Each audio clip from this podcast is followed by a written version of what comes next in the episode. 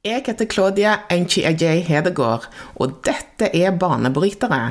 Podkasten hvor du får høre inspirerende historier om karriere og ledelse fra personer med flerkulturell bakgrunn i Norge som utmerker seg og baner vei.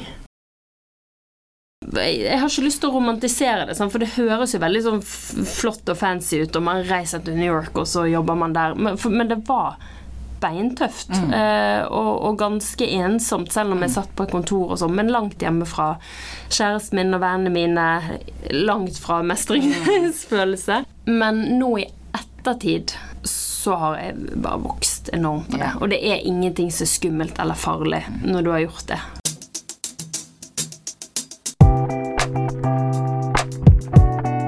Ukas gjest det er Desta Marie Beder. Som en av Norges mest velrenommerte TV-profiler, så er hun kjent og kjær person for utrolig mange. Hun er programleder for det populære programmet Rydderevolusjonen på TV 2, og har i mange år vært programleder for God morgen Norge. Hun har lang fartstid i mediebransjen og har hatt uh, ulike roller både foran og bak kamera, bl.a. væranker på TV 2 markedssjef og forretningsutvikler i Vimon i New York. Hun har vært nominert til eh, publikumsprisen under Gullruten 2022 for God morgen Norge og Rydderevolusjonen. Desta hun brenner for journalistikk og innovasjon, og har en bachelorgrad i medievitenskap.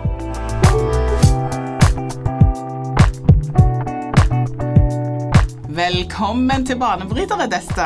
Tusen takk. Veldig hyggelig å få være med. Og veldig hyggelig at du ville være med. Oh, ja, jeg kjenner at uh, det å bli intervjuet, det er kanskje på topp tre ting jeg syns er litt skummelt. Oh, really? ja, jeg tror som programleder uh, og journalist så er man så veldig fokusert på å skulle få frem andres historier. Så det å skulle dele min egen det er litt utenfor komfortsonen. Men jeg er tross alt veldig glad for å være her. Ja, men det er veldig veldig godt å høre. Og så skal jeg være veldig snill med deg. Takk. Ja. Så jeg skal ikke stille masse vanskelige spørsmål. Jeg skal le mye. Bra. Ja. ja. Og så få deg med. Ja, ja. for hvis, hvis, du får meg til å tro at jeg er morsom, da slapper jeg veldig av. Det er triks. Det kan jeg avsløre. Nå ler jeg. Ja, sant. Der, nå har vi en god start. Dette er bra. Veldig, veldig fint. Um, vi har jo prøvd å få dette her til uh, en stund. Ja, ikke sant. Uh, og det er veldig sånn bisart at uh, det, det, skal være sånn vanskelig, for dette er jo en podkast som jeg bare hadde kjempelyst til å være med på. og så kjente jeg første gang du tok kontakt, og det er noe jeg har lært i, i seinere tid, at istedenfor at jeg tar på meg altfor mye, og så mm. gjør jeg ting litt halvveis, så har jeg blitt flinkere til å si at du, vet du hva, akkurat nå så skjer det så mye at jeg har veldig lyst til å vente litt, sånn at jeg kan virkelig være pålogget. Eh, så jeg har ikke løpt inn her, selv om jeg kom tre minutter for seg. Eh, og jeg skal ikke løpe ut herifra, så da skal vi ha eh, god kvalitetstid sammen. Og akkurat denne våren så skjedde det veldig mye. Men det var gøy. Veldig bra. Veldig kjekt å, å, å ha deg her, som sagt. Um, og så er det en ting jeg alltid har lurt på, Desta det er hvordan det er å ha en jobb som krever at man er sånn superjovial så tidlig på morgenen. Hvordan er det?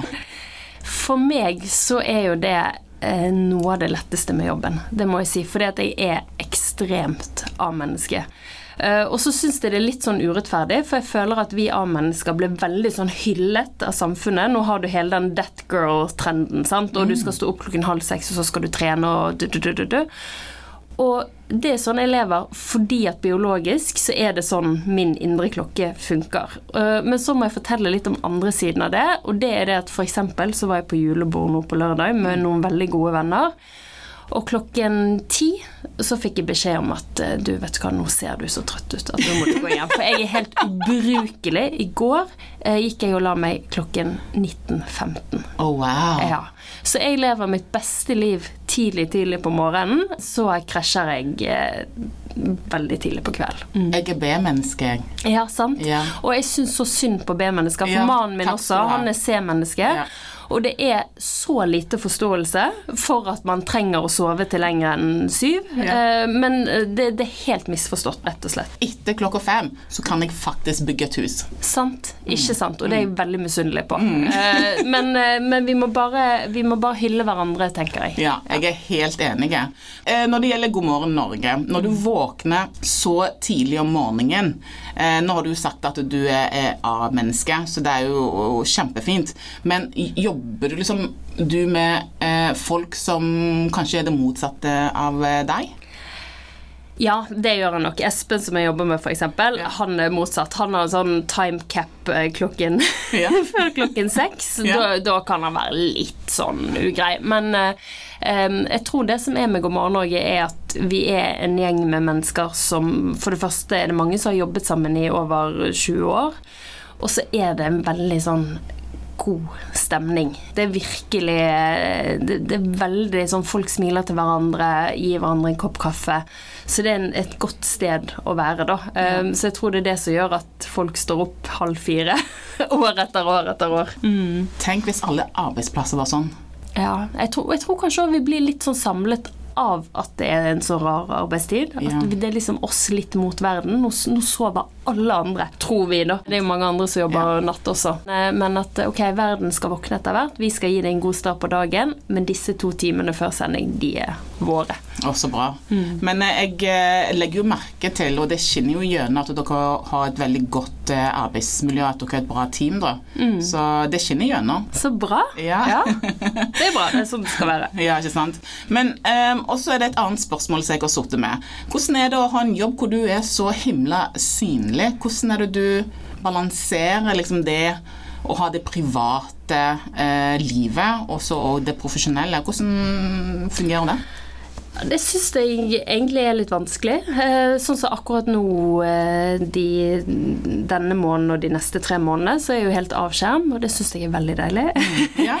Eh, For, for, for meg så, så koster det en del. Det er mange som får veldig mye energi av, av det å være synlig. For meg så er det litt sånn både òg. Men jeg balanserer det ved at eh, jeg ikke deler så mye av privatlivet mitt. For eksempel så er jo jeg eh, gift med en mann som jobber innenfor TV, men som Ja, det finnes vel knapt nok bilder av på internett. Han er ikke på Instagram, han er ingen steder. Han er usynlig. Han er helt usynlig, og, og det ja, det, det, det funker veldig bra for oss, men vi snakker jo veldig mye om jobb. Men det handler jo ikke om å være synlig eller å være på en fest eller de tingene der, men det er liksom det, det faglige eh, vi, vi prater om, da. Um, men jeg tror at det at jeg har holdt privatlivet mitt ganske mye for meg sjøl, det gjør at jeg klarer fort å koble av. Ja. Jeg tenker ikke så mye på, på, på den siden av jobben når jeg ikke er på jobb. Det som du sier der, syns jeg er veldig interessant. For da jeg skulle gjøre eh, min research, du vet som en god eh, amatør eh, Veldig bra. Ja. Så gjorde jeg litt research, og det kom faktisk ikke så mye opp om deg, annet enn at du har giftet deg, selvfølgelig, litt sånn, mm. sånne ting, men, men ellers ingenting, nesten. Nei. Om liksom deg som privat, eller at du har vært med på podkast. Jeg, jeg vet, jeg fant det i hvert fall ikke. Så, så da tenkte jeg hun her må jo være utrolig dyktig til å holde det private livet sitt privat. Ja, og det er jo kanskje eh, noe som er litt mer uvanlig nå enn det var når jeg startet på TV. For nå er det gjerne sånn at folk blir kjent for å dele privatlivet, og så begynner de å jobbe på TV. Eh, men når jeg begynte, så eh, Altså, jeg har jo alltid hatt Det er jo jobben min som har vært synlig. Det er egentlig ikke jeg som har vært så synlig. Um, og jeg, og jeg syns jo noe Altså med at Når jeg sitter og intervjuer folk, så vil jeg at TV-seerne skal fokusere på den som blir intervjuet, og den historien. Jeg vil ikke at de skal sitte og tenke at Å nei, nå har Desta eh, har- Hun har det sånn og ditt og da. Altså, for, for det er ikke det det handler om, da. Eh, Men, men det, det er en balanse, og det er mange rundt meg som skulle ønske at jeg delte veldig mye mer. Mm. Og man kan jo, faren er jo at man kan bli litt sånn todimensjonell, kanskje. At det er sånn Der er hun, og hun er på TV, og så er hun på Instagram, og der smiler Ja. hun på alle bilder og, og, og sånn. Eh, Men ja. Nei, jeg, jeg, jeg, jeg vet ikke helt Ja. hva jeg syns om det. Ja, ja, det er ikke sant? Men uansett så har du nå en pause fra God morgen Norge, Norge, og så jobber du med rydderevolusjonen. Hvordan går det? Det går veldig bra. Det er jo en sånn veldig kaotisk innspilling. Altså Ikke det at det er så armer og bein nødvendigvis, men det er veldig mye folk, og det er jo mye rot.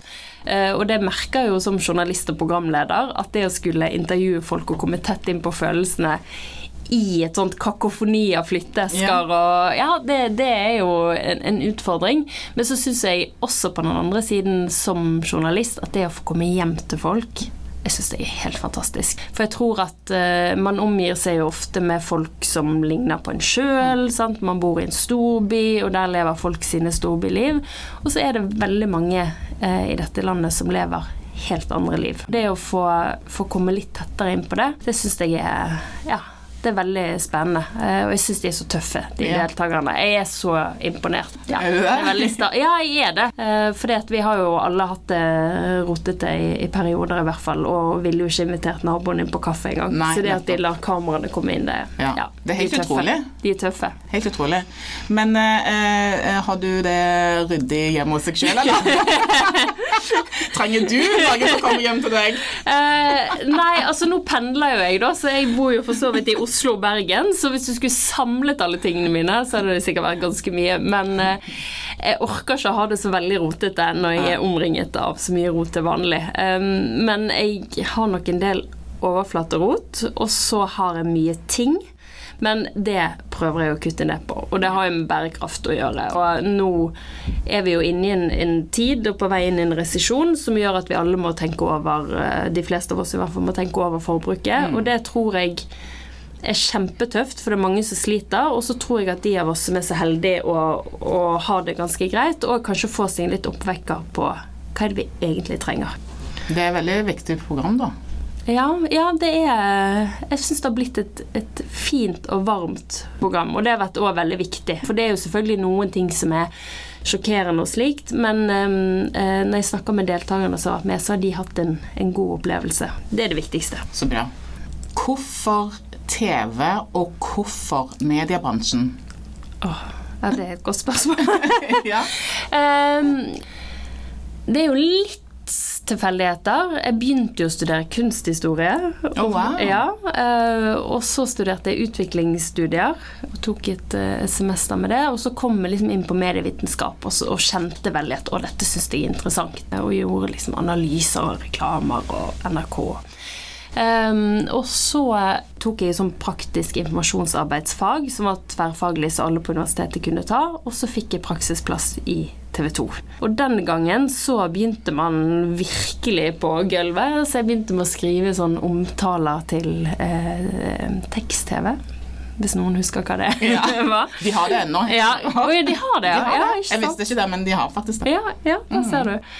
Um, og så fikk jeg sommerjobb, og så fikk jeg et vikariat, osv. Så, videre, og så, videre. så ja. sånn begynte det. Men jeg har alltid vært veldig interessert i populærkultur, historiefortelling, den type ting, uten å tenke at å, jeg skal bli programleder. Så det var liksom ikke en del av eh, planen din om at du skulle få en skjermen, f.eks.?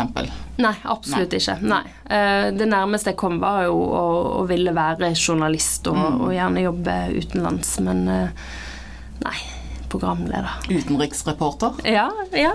Det var Så for meg liksom det jeg jobbe for BBC og ja. Ja, så har det blitt sånn som det har blitt. det, blitt sånn det, blitt. det, er ikke så langt unna. det er ikke så langt unna. Det er ikke så langt unna. Du får jo reist litt sånn utenfor Oslo og Bergen, ja, ikke, så det er jo veldig bra. Sant, ikke sant, ja. Men uh, jeg eh, husker at eh, det var veldig kjekt eh, å se en melani, melaninrik Jeg klarer ikke å si det, der, det ordet der. Det er jo et nytt begrep som kommet. Jeg bare sier mørkhuda. Ja, eh, det er bra. Og så tenker jeg at når jeg er halvt uh, afrikansk, kanskje melanin mellomklasse. Ja. Ikke, ja. ikke Melaninrik light. Ja. ja. Men, men, i hvert fall en mørkhuda um, værmelder, eller væranker. Og da tenkte jeg wow, det var kult. Det hadde ikke jeg sett før. Nei, ikke sant. Jeg hadde ikke Nei. det. Nei, det har kanskje ikke vært det. Du var den første. Ja, ikke sant. Ja. Og jeg skal, jeg skal faktisk spørre deg hvorfor, men jeg har bare lyst til å dele med deg en liten fun fact okay. om meg sjøl. Ja. For mange år siden eh, så var jeg faktisk på audition for å være værmelder. Å, herregud. Yes, og jeg tror det var 2006 eller 2007 Ja. eller noe sånt. Eh, og så var jeg på audition. Altså, det gikk jo ikke bra, åpenbart. Eh, fordi at jeg eh, tror jeg ble litt sånn overvelda når jeg gikk inn i studio og så Ja. det sånn tre eller fem kam, svære kamera som bare står, så skulle jeg stå midt i. Og så skulle jeg late som at jeg skal presentere været. Og jeg husker at kneet mitt var Ja. skall. Det var sånn dirra. Så tenker jeg oh my god, dette her ble too much. ikke sant? Jeg fikk ikke det til. Men uh, uansett, det var en liten fun fact. Det, er en veldig den- fun fact. det gikk ikke den veien, så hvis Siri Kalvik eh, hører på dette her, Ja. så husker jeg det veldig godt. Hei, Siri. Du har gjort en stor tabbe, ja. bare så du vet det. Men eh, det var en liten fun fact. Men over til deg. Eh, hvorfor ville du være væranker? Ja, Det som er morsomt, er jo at eh, jeg ville jo ikke være. For det, nei da, altså det var jo en, en stilling som var utlyst. Eh, jeg husker mamma var veldig sånn Ja, den må du søke på. Jeg jobbet jo i TV 2 eh, veldig langt bak eh, kamera. Og så eh, jeg tenkte nei, det, det tror jeg ikke. Og den jobben får jeg ikke. og Det er ikke noe vits. Og ja, alle de tingene. Og så hadde de hatt en auditionrunde, og så tror jeg at de, de fant ikke helt den de så etter. Og så var det noen som hadde tipset. Ikke noen, det er en som heter Beate. Yeah. For Hun er Beate veldig opptatt av dette. Eh, hei, Beate. Um, At eh, ja, det sitter en, det sitter en oppe i femte etasje. Kanskje vi skulle prøvd hun. Ja. Og da var jo det som ut av en romantisk komedie, holdt på å si, eller ikke romantisk, men en komedie, tragikomedie, eh, så kom, det da, kom nyhetssjefen på den tiden inn til meg, som sitter Ja. alene da og skriver disse omtalene til tekst-TV, og spurte om jeg ville gå på audition. Ja. Og da begynte jeg bare å le, for jeg, for jeg bare så, så det som en sånn filmscene. Uh, men så sier jeg jo aldri nei til en utfordring. Så da sa jeg at eh, ja, det kan jeg sikkert gjøre. Og så hadde jeg en audition til, og så hadde jeg et intervju. Og så på én uke da, så gikk jeg fra å være timevikar i planleggingsavdelingen til å få en fast jobb som Oh, værmelder. Og da var jeg 22 år og akkurat ferdig på universitetet. Så, så det var jo sånn hvis du tenker at eh, Og jeg vet jo at du har snakket litt om femårsplaner og sånn, så hvis jeg skulle lagt en femårsplan, så kunne jeg bare brent den der. Ja. For det er snakk om en sånn Ja, da, da skjedde dette, ja. Ja, ja. Um, og så Det er jo bare Ja, men hvordan, hvordan var det? Altså, var det overveldende, eller følte du at nei, dette her eh, I'll, you know, I'll do it, holdt på å si. Altså, dette her Ja. Ja, nei, vet du hva, jeg var helt overveldet. Og jeg tror nok at jeg ble valgt basert på potensialet. Ja. Ikke fordi at jeg kom som en sånn ferdig utviklet person. Og jeg har jo sett den første værmeldingen, og jeg er jo helt sånn som et aspeløv og med sånn skikkelig lyspipestemme. Um, så det, det var en prosess, men, men det som var så fint da, var jo det at jeg hadde jo Eli Kari Gjengedal, som var med på å ansette meg. Og hun var hele tiden på å si at vet du hva, Desta, dette tar tid. For da hadde vår Staude, som jeg nå jobber med, hadde sagt til Eli Kari når Eli Kari begynte, at det tar tre-fire år Oh, wow. før du er komfortabel, før du føler at dette er eh, Altså det å være på TV. Mm. Og det stemmer. Det stemte i hvert fall da. Det, det tar lang tid før du ikke er nervøs, og før du tenker at 'dette mestrer jeg, dette kan jeg'. Um, så det at hun sa det hele tiden, det ga òg meg den rausheten overfor meg sjøl, da. At ja, men jeg gir det tid. Så, og jeg tenker i dagens samfunn, og der ting skal gå så fort, og det skal skje Ja. noe hele tiden, så er det det at uh, enkelte ting tar bare tid, og man skal ikke naile det fra dag én. Ja. Man skal ha et eller annet utgangspunkt å jobbe ut ifra. Mm. Men jeg syns det er veldig fint at du sier det, og det er helt riktig at eh, folk Jeg tror folk Iallfall min opplevelse at eh, Eller mitt inntrykk er jo at eh, folk føler at de må ha hastverk til å liksom prestere, og prestere fort, og vise noe fort. Og det må, altså, det må være utrolig slitsomt. Ja, og så tror jeg det at alle som, som skifter jobb sant, og kommer inn i en jobb, det er jo alltid ganske vondt, vil jeg si. Spesielt hvis du skifter yrke, da. Eh, For du går fra en jobb der du har mestret noe med folk du kjenner, eller hvis du har studert, sant, du er vant til studiemiljøet, og så kommer du inn, og så er det det er umulig å skjønne alt. Altså En ting er jo arbeidet du skal gjøre, men det er de dynamikkene med de du skal jobbe sammen med. Det er masse sånn lag av ting. Og da tenker jeg at istedenfor at man tenker at fra dag én skal jeg naile det, og hvis jeg ikke gjør det, så er jeg litt mislykket, til å heller se på seg sjøl som en student da, som skal begynne å studere. Og bare sånn OK, nå skal jeg være en svamp. Jeg skal gjerne være litt sånn ydmyk overfor at dette, nå skal jeg jobbe med folk som kan det og sånn. Jeg skal gjøre mitt beste, og så skal jeg gi meg sjøl masse tid. For det er de som ansetter deg, de vet jo også det. Og jeg, og jeg har jo også blitt ansatt i jobber der opplæringen er Den formelle opplæringen er fire dager, og så er du i gang. Men at du hele tiden tenker at ok, det var opplæringen. Nå skal jeg finne mine eh, føtter her, og hvor de skal være. Og gi det sjøl i hvert fall et år, Ja, tenker jeg. Men jeg tenker jo òg at det er jo eh, det som er bra hvis, hvis folk òg setter pris på prosessen. Eh, og ikke bare sluttproduktet, men setter pris på den lærings- og utviklingsprosessen. For den tror jeg er underkommunisert. Ja. Som verdifull, i hvert fall. Mm. for alle kommuniserer om eh, produktet Ja. og resultatet du står igjen med. Og det er det som skal gi verdi, men det er få som snakker om det, altså at prosessen i seg selv. Sant? Og jeg husker jo det, jeg begynte jo i en eh, jobb, altså etter jeg jobbet på Været, så begynte jeg i en helt annen jobb. eh, og da sa han sjefen min at eh, sett pris på det at du er ny. Det at du er ny, det gjør at du kommer inn med et helt Du har ikke gått inn i eh, rutiner og vaner og sånn, så alt du syns ser litt sånn rart ut og, og sånn, det vil jeg vite. Ja. Fordi at nå får jeg inn en som kan se det utenifra. Og det vil jeg utnytte eh, så lenge som mulig. Og det syns jeg var en veldig sånn fin greie, for da er du ny, eh, og så får du samtidig brukt det til noe. Ved å gi litt sånn tilbakemeldinger på at 'Å ja, hvorfor gjør dere det sånn?' og 'Kunne man heller tenkt sånn?' Ja, Ja. Det er kjempeverdifullt. Ja.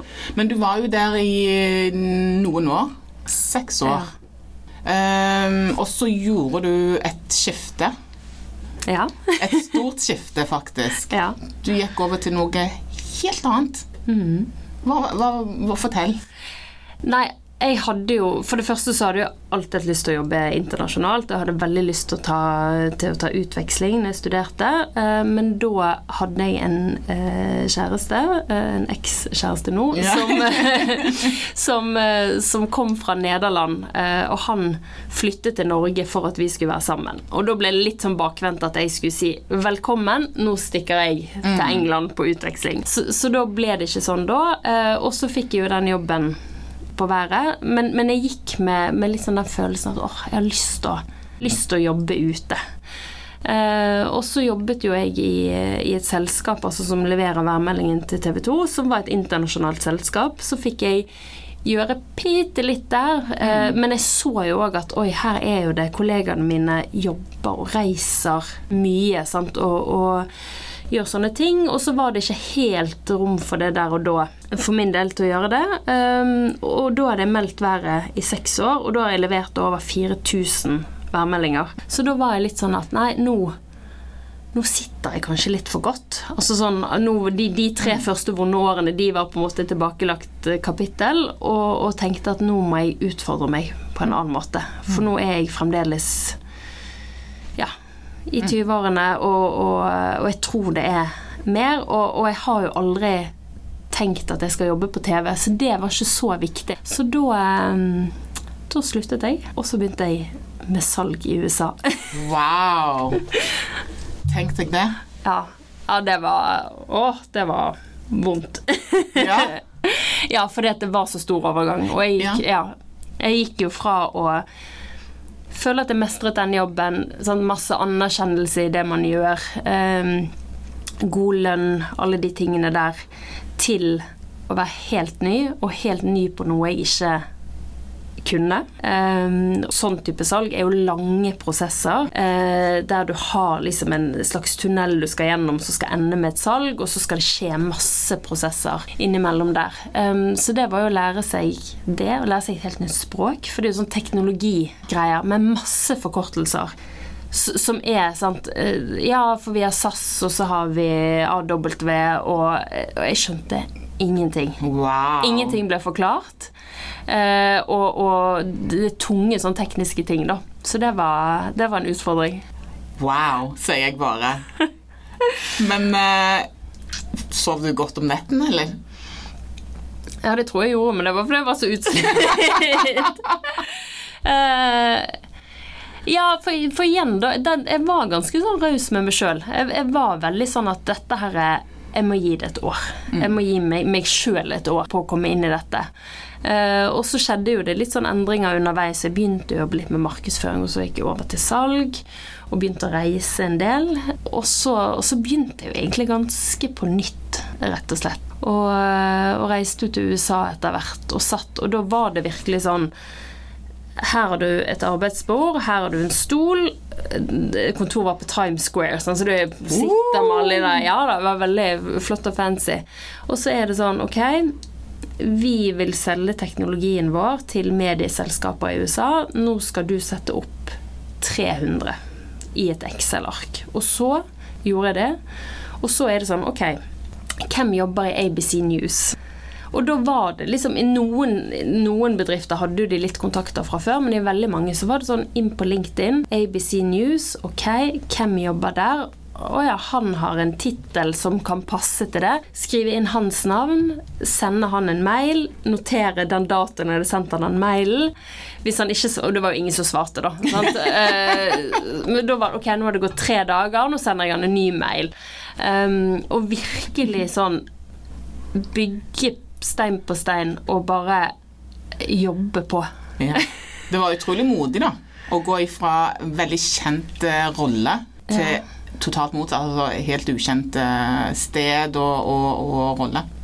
Ja, og det var jo altså, det, Jeg har ikke lyst til å romantisere det, for det høres jo veldig sånn flott og fancy ut, og man reiser til New York, og så jobber man der. Men, for, men det var beintøft eh, og, og ganske ensomt, selv om jeg satt på et kontor og sånn, men langt hjemmefra.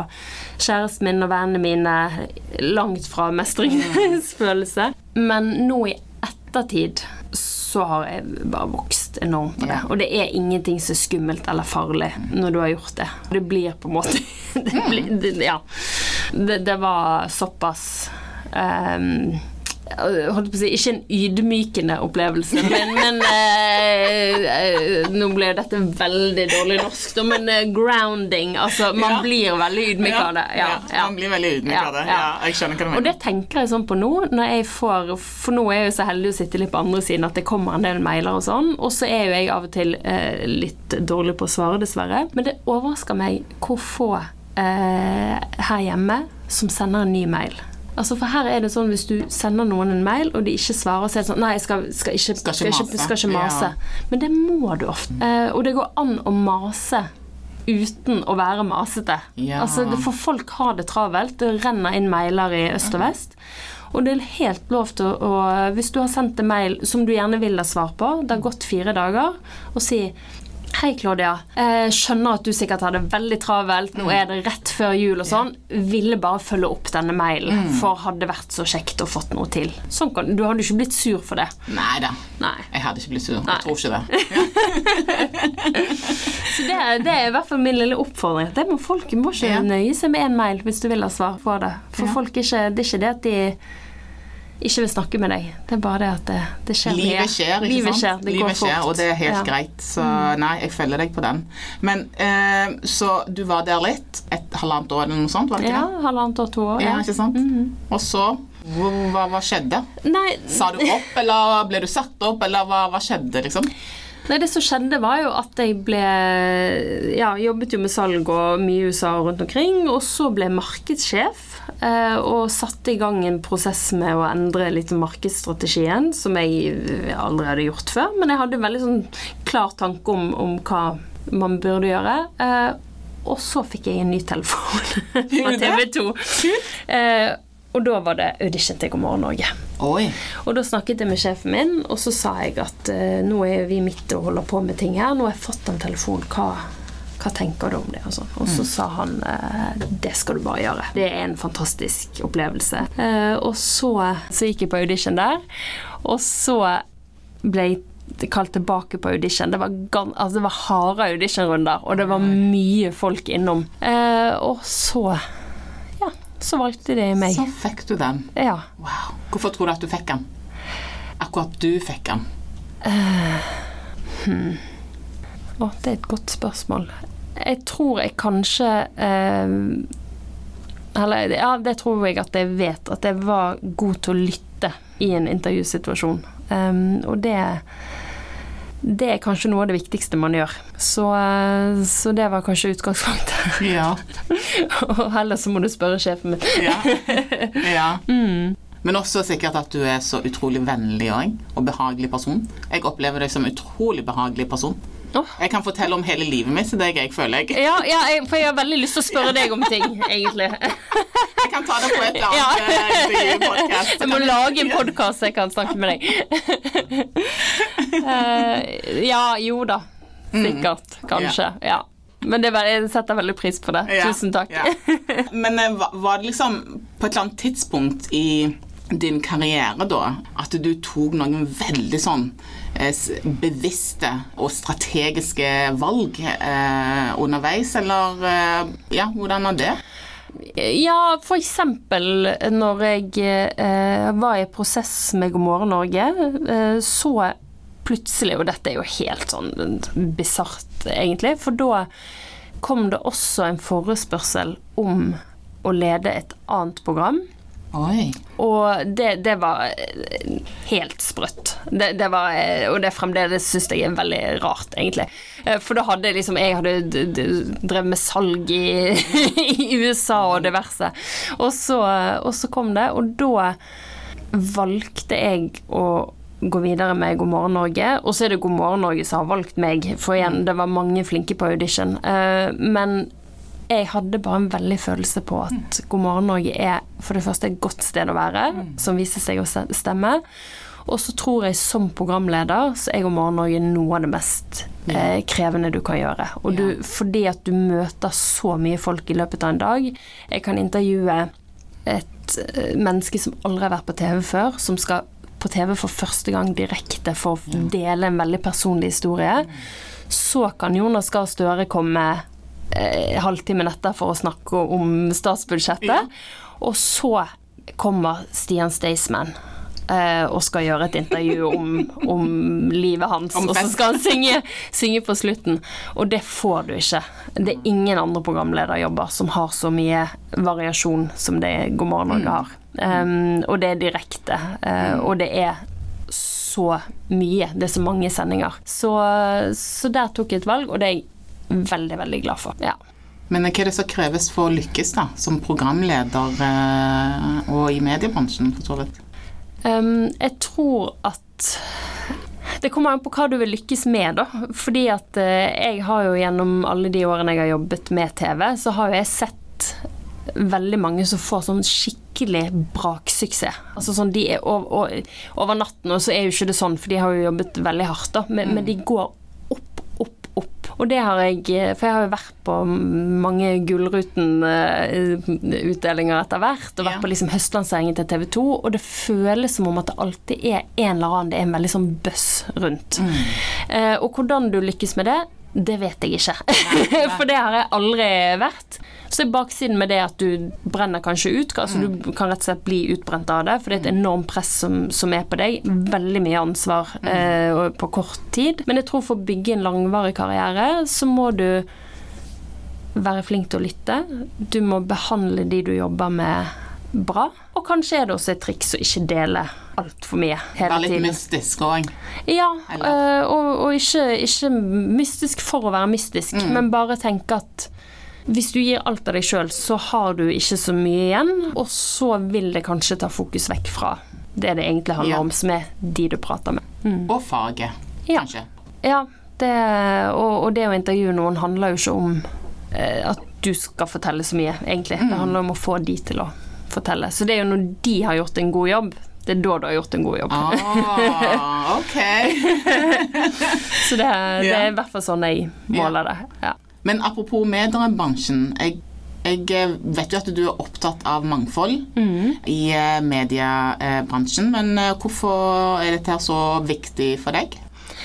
Jeg tror jo at som veldig mange så har jeg vokst opp med ganske lite mangfold i, i mediebransjen. Um, og så tenker jeg nå at ja, vi så det f.eks. under pandemien, at det var vanskelig å nå det som egentlig er en ganske stor del av befolkningen.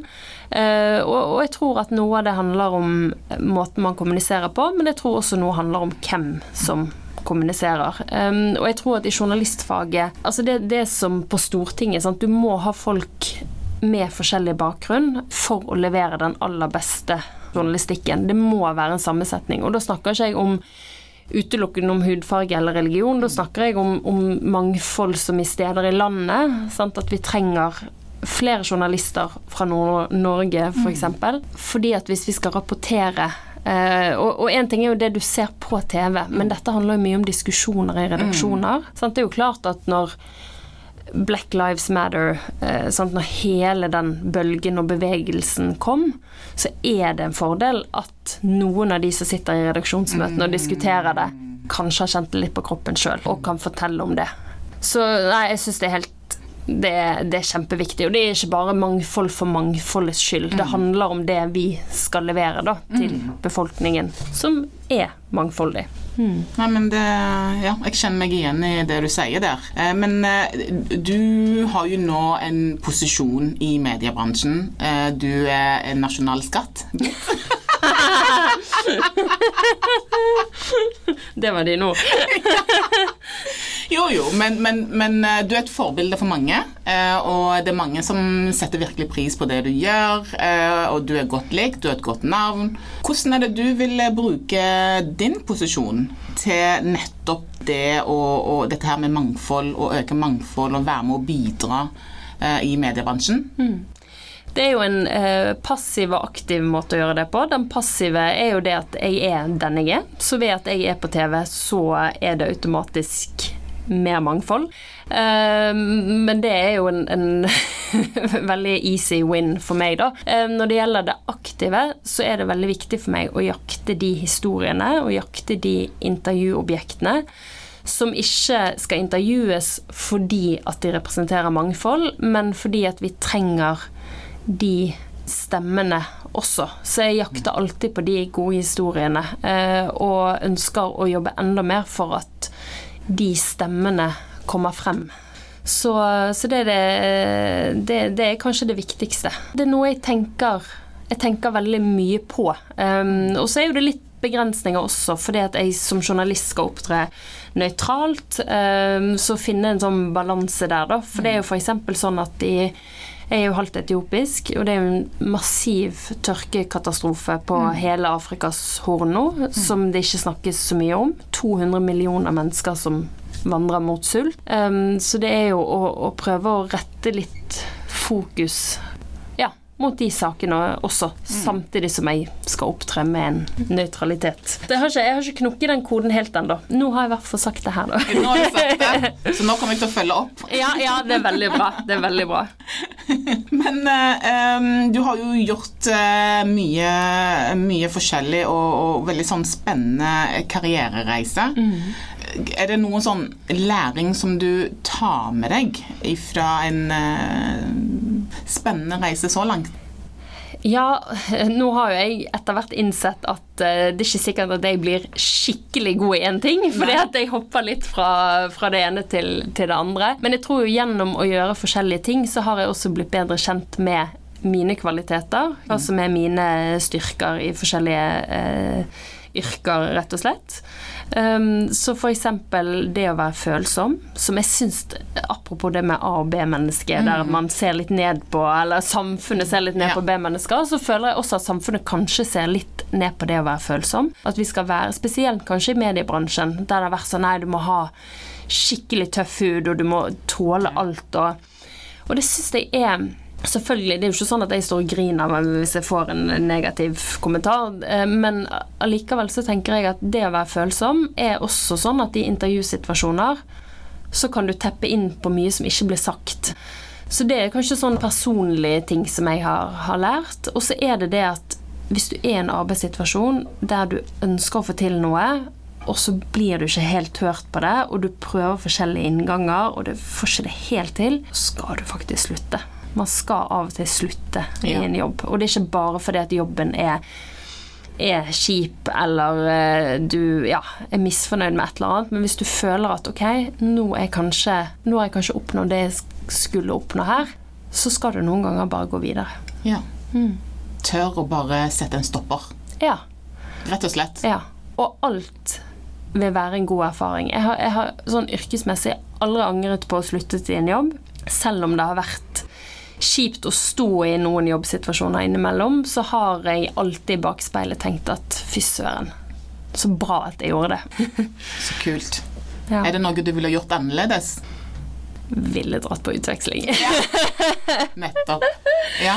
Ja. Um, nei, kanskje engasjert meg enda mer sånn utenfor studier, f.eks. Nå var jeg med i studentradioen og sånn. Hvis, det, ja, hvis man er student, så er noe av det viktigste man gjør, er det man gjør utenfor lesesal. Så det må jeg virkelig bare ja, anbefale alle å gjøre.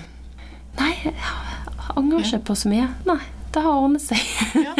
Og så er det jo kjempelæring bare det du har gjort eh, sånn underveis. Så det å gjort ting annerledes ville kanskje ført til at du ikke hadde vært den du er i dag, eller Absolutt vært der, der du er. Så det er noe med å bare akseptere at vet du hva, alt det som har skjedd, alt det jeg har gjort, de beslutninger jeg har eh, tatt, alt det har ført til akkurat der jeg er i dag. Og Ja. det er ok. Ja, det er det. Ingenting å angre på. Det er ingenting å angre på. Og, og hadde, dette er jo litt sånn sliding doors. Sant? Hadde jeg takket ja til den andre jobben den gangen, så hadde det sett helt annerledes ut. Men Og det hadde sikkert vært kjempefint. Så det er ikke sånn 'Å nei, å, det er glad jeg ikke gjorde det'. Ting hadde bare vært annerledes. Men nå er det dette livet jeg har, og det er jeg veldig glad for. Det er veldig glad for. Det, hvis det er én ting jeg angrer på, så Ja. er det at jeg ikke kjøpte leilighet i Oslo når jeg begynte å pendle for fire år siden. Nettopp. Nettopp. Det var en dum avgjørelse. Men greit. Det er viktig læring. Ja. Det er viktig læring. Men eh, sånn fremover framover Mhm. eh, Hvordan ser eh, karrieren eh, ut eh, da, tenker du? Oi. Altså, nå skal jeg bare gjøre eh, det beste jeg kan, og så tror jeg at det automatisk vil lede til andre muligheter. Eh, og så er jeg så heldig at jeg får være i God morgen Norge og gjøre andre ting, eh, og det trives jeg veldig godt med. Og så eh, ja. Jeg vet ikke. Altså, men det som jeg syns jeg det er så deilig å være i 30-årene. Elsker å være i 30-årene. 20-årene, så mye usikkerhet, så mye yeah. og visshet om at og sånn. Men nå er jeg òg veldig trygg på at hvis jeg ikke er på TV, så skal jeg gjøre noe annet som er spennende. Og det å bare ha den tryggheten i den bransjen som mediebransjen er, det er en gave jeg har gitt til meg sjøl. Fantastisk. ja. mm. Deste, tusen takk for at du kom og ville prate med meg i Er vi ferdige? Vi er ferdige. Vi kan godt prate mer. Det kommer en del to. Ja. Del to kommer, folkens. Veldig, veldig kjekt. Ja. Tusen takk. Du fikk meg til å slappe av. Du er en kjempegod journalist, og du lyttet. Tusen Terningkast takk. seks. Tusen takk for at du kom. Takk.